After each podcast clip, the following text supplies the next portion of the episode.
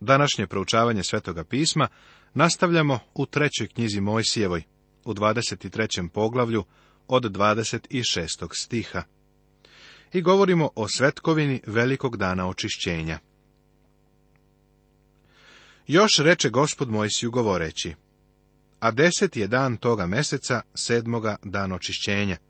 Sabor sveti neka vam je. I mučite duše svoje i prinesite gospodu žrtvu ognjenu. U taj dan nemojte raditi ni jednoga posla, jer je dan očišćenja, da se očistite pred gospodom Bogom svojim. Svaka duša koja se ne bi mučila u taj dan, da se istrebi iz naroda svojega. I svaku dušu koja bi radila kakav posao u taj dan, ja ću zatrti dušu onu u narodu njezinu. Nijednoga posla nemojte raditi. To da je večna uredba od kolena do kolena u svim stanovima vašim. Subota počivanja neka vam bude i mučite duše svoje. Devetoga dana istoga meseca, kada bude veče, od večera do večera praznujte počinak svoj. Veliki dan očišćenja je potpuno obrađen u 16. poglavlju.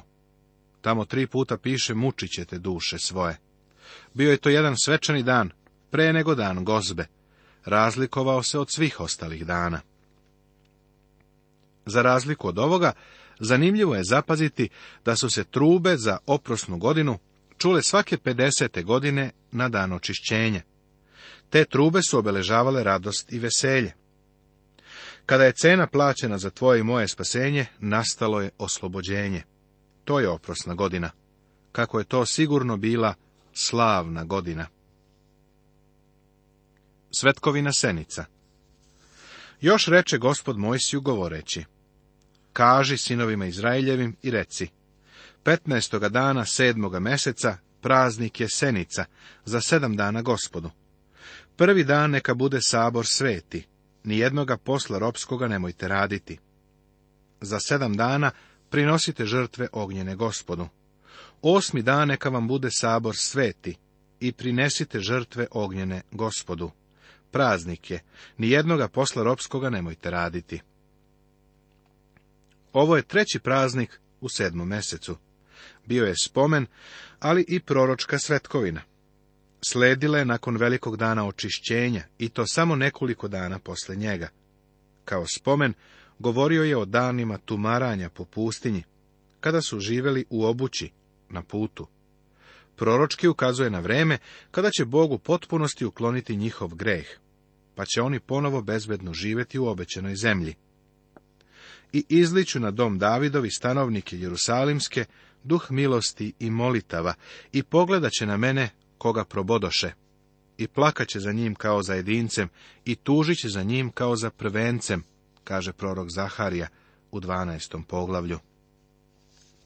U taj će dan biti otvoren izvor domu Davidovu i stanovnicima jerusalimskim za greh i nečistotu, kaže Zaharije u 13. poglavlju nego će sedeti svaki pod svojim vinovom lozom i pod smokvom i neće biti nikoga da ih plaši, jer usta gospoda nad vojskama rekoše, kaže prorok Mihej u četvrtom poglavlju.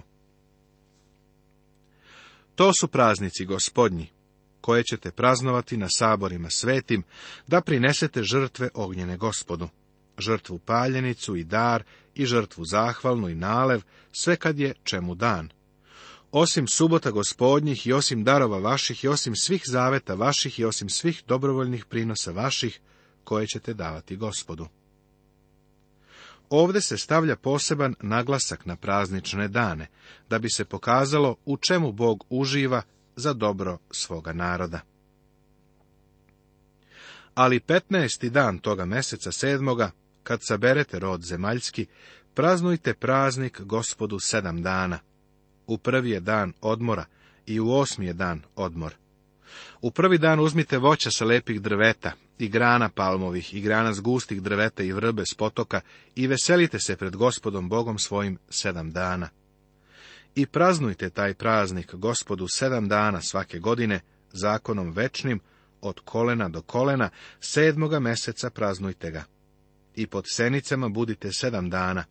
Koje god rođen u Izraelu, neka bude pod senicama da bi znalo natražje vaše da sam ja učinio da žive pod cenicama sinovi Izraeljevi, kad sam ih izveo iz zemlje Misirske. Ja sam gospod Bog vaš. I je kaza praznike gospodnje sinovima Izraeljevim.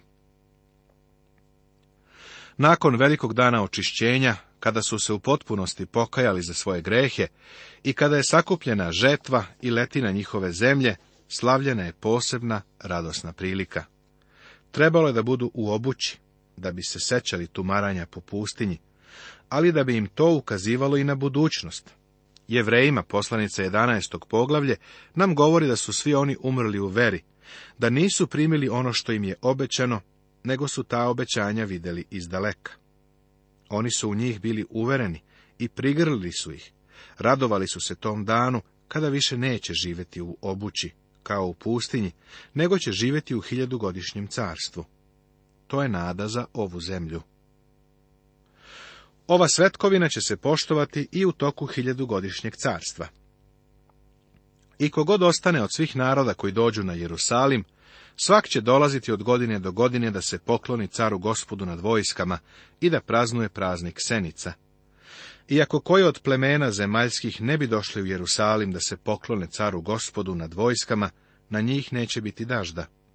Iako se pleme misirsko ne bi podiglo i došlo na koje ne daždi, bit će isto zlo kojim će gospod udariti narode koji ne bi dolazili da praznoju praznik Senica, kaže prorok Zaharije u 14. poglavlju Svetoga pisma Starog Zaveta.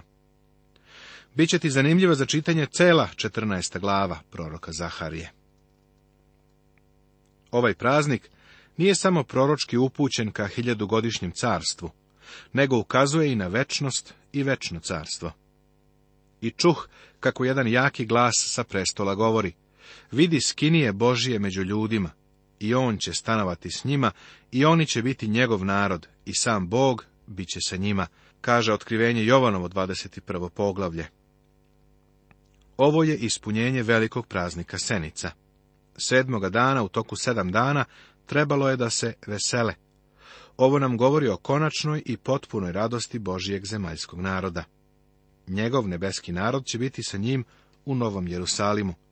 Prijatelju, pred nama je divna budućnost. Poglavlje 24. Svetlost svećnjaka, postavljeni hlebovi, smrtna kazna za hulnika. Ovo poglavlje kao da ne odgovara temi koja se prethodno obrađivala. Teme u samom ovom poglavlju također deluju nepovezano.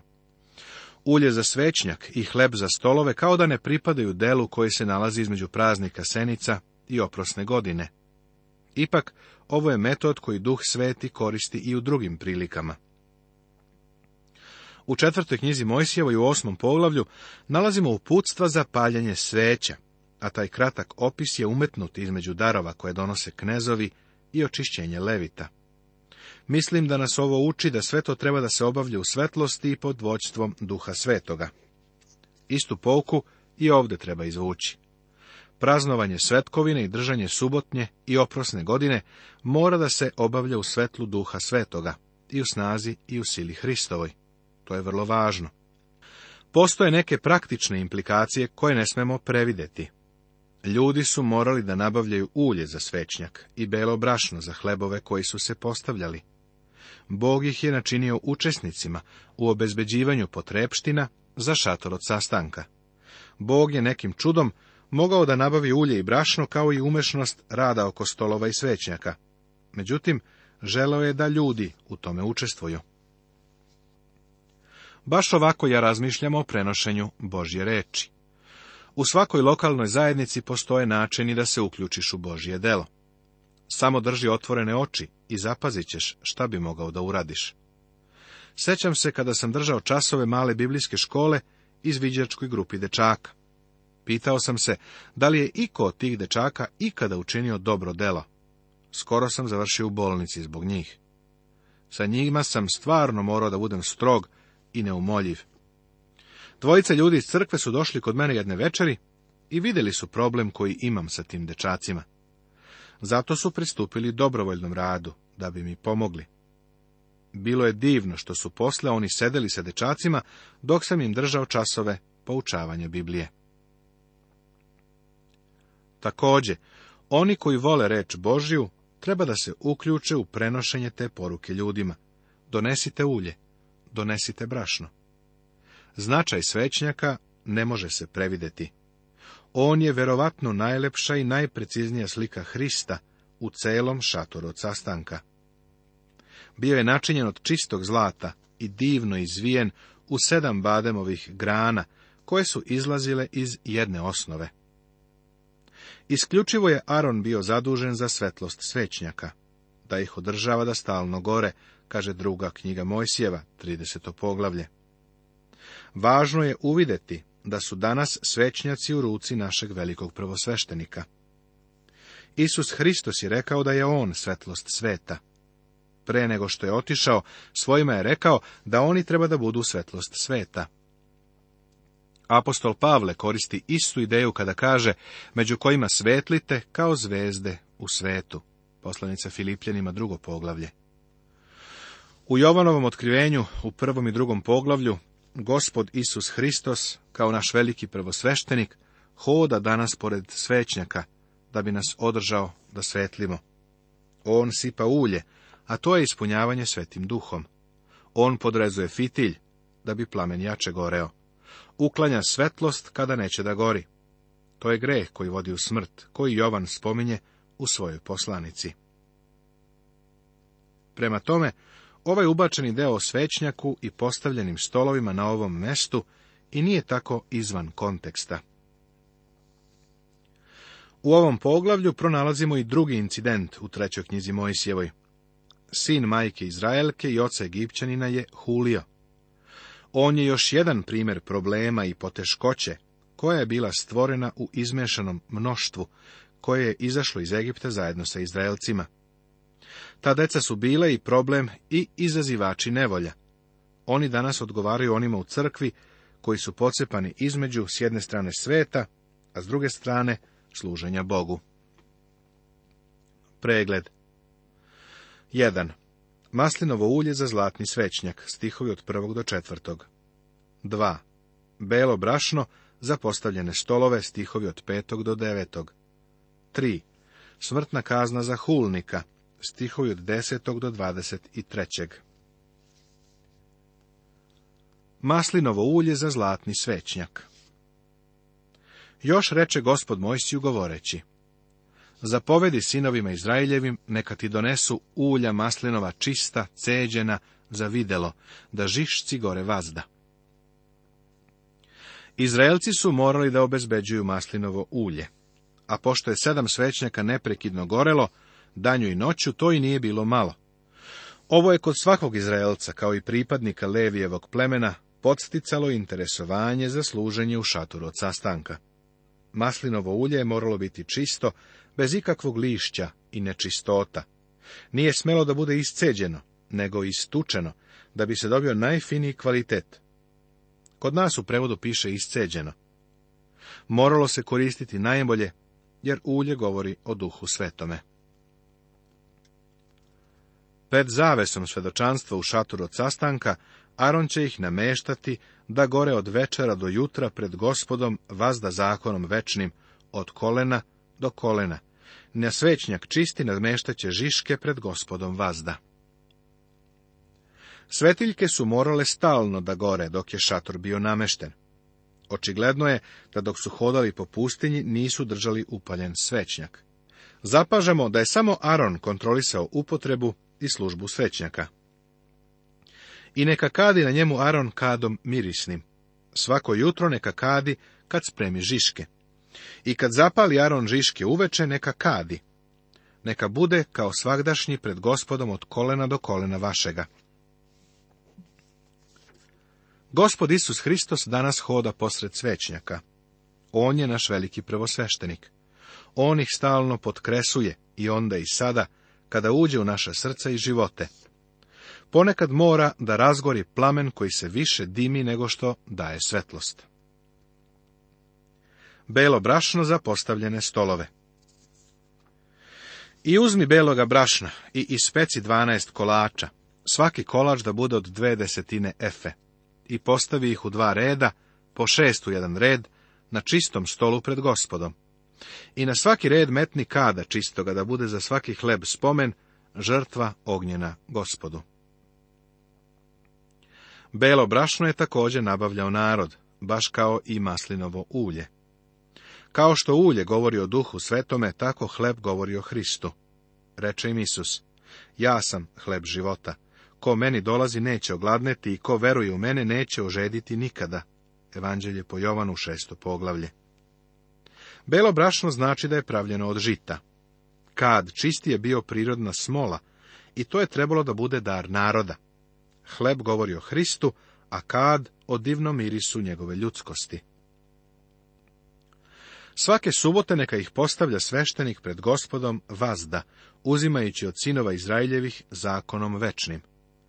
I bit će Aronovi i sinova njegovih koji će jesti na mestu svetom, jer im je svetinje nad svetinjama od ognjenih žrtava gospodnjih zakonom večnim. Hleb je ostajao na stolu sedmicu dana, menjan je subotom, a stari hleb je trebalo da pojedu Aron i njegovi sinovi, i to uvek na svetom mestu u svetinji.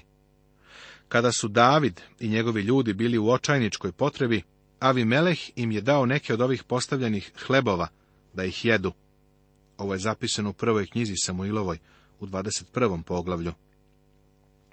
Naš gospod skreće pažnju na ovo kada su kritikovali njegove učenike što trgaju klasi u subotu u evanđelju po mati u 12. poglavlju. Hleb i svetlost govore o Hristu. Ja sam živi hleb koji je sišao sa neba. Ako ko jede od ovoga hleba, živeće doveka. I hleb koji ću ja dati jeste telo moje, za život sveta, kaže Evanđelje po Jovanu, šesto poglavlje.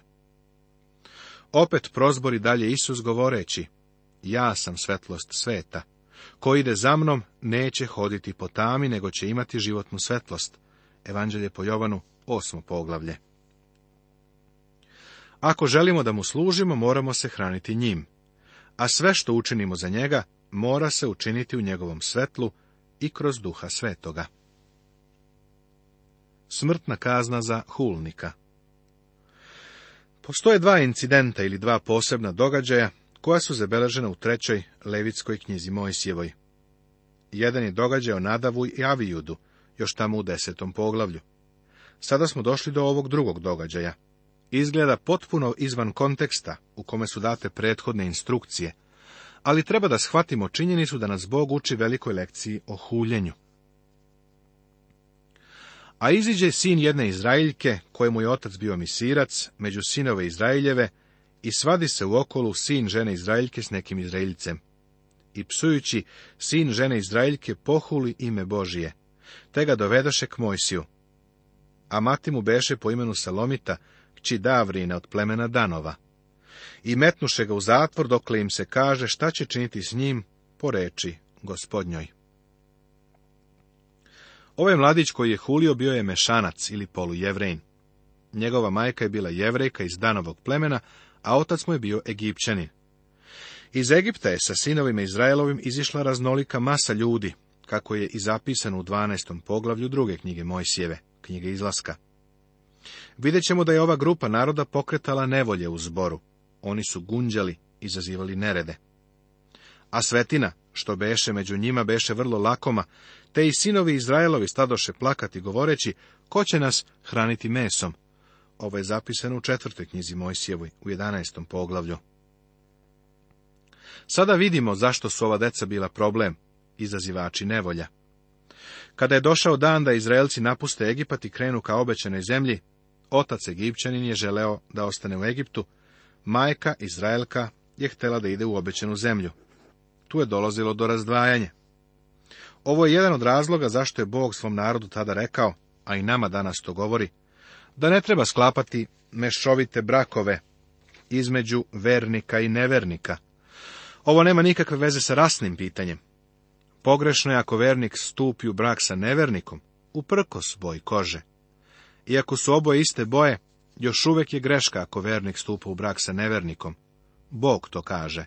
Nikada ne bih znao da to nije dobro, da Bog nije tako rekao. Ovaj mešanac ili melez je imao problem. Morao je da donese odluku da li će ići očevim ili majčinim putem. Problem je u tome što on tu odluku nikada stvarno nije doneo. Naravno, neku početnu odluku je doneo, ali se u njegovoj glavi stalno javljalo pitanje. Pitam se, da li je trebalo da uradim onu drugu stvar i ostanem sa tatom. Ova mešovita masa ljudi je pred sobom imala večni znak pitanja. Pre svega, bilo je teško napustiti Egipat. Zatim su se njihove misli stalno vraćale u Egipat, a kada je putovanje postalo teže i surovije, oni su prvi pokretali žalopojke i gunđanje. E sad, prijatelju, takve iste ljude imamo i danas u crkvi. Nastavit će se.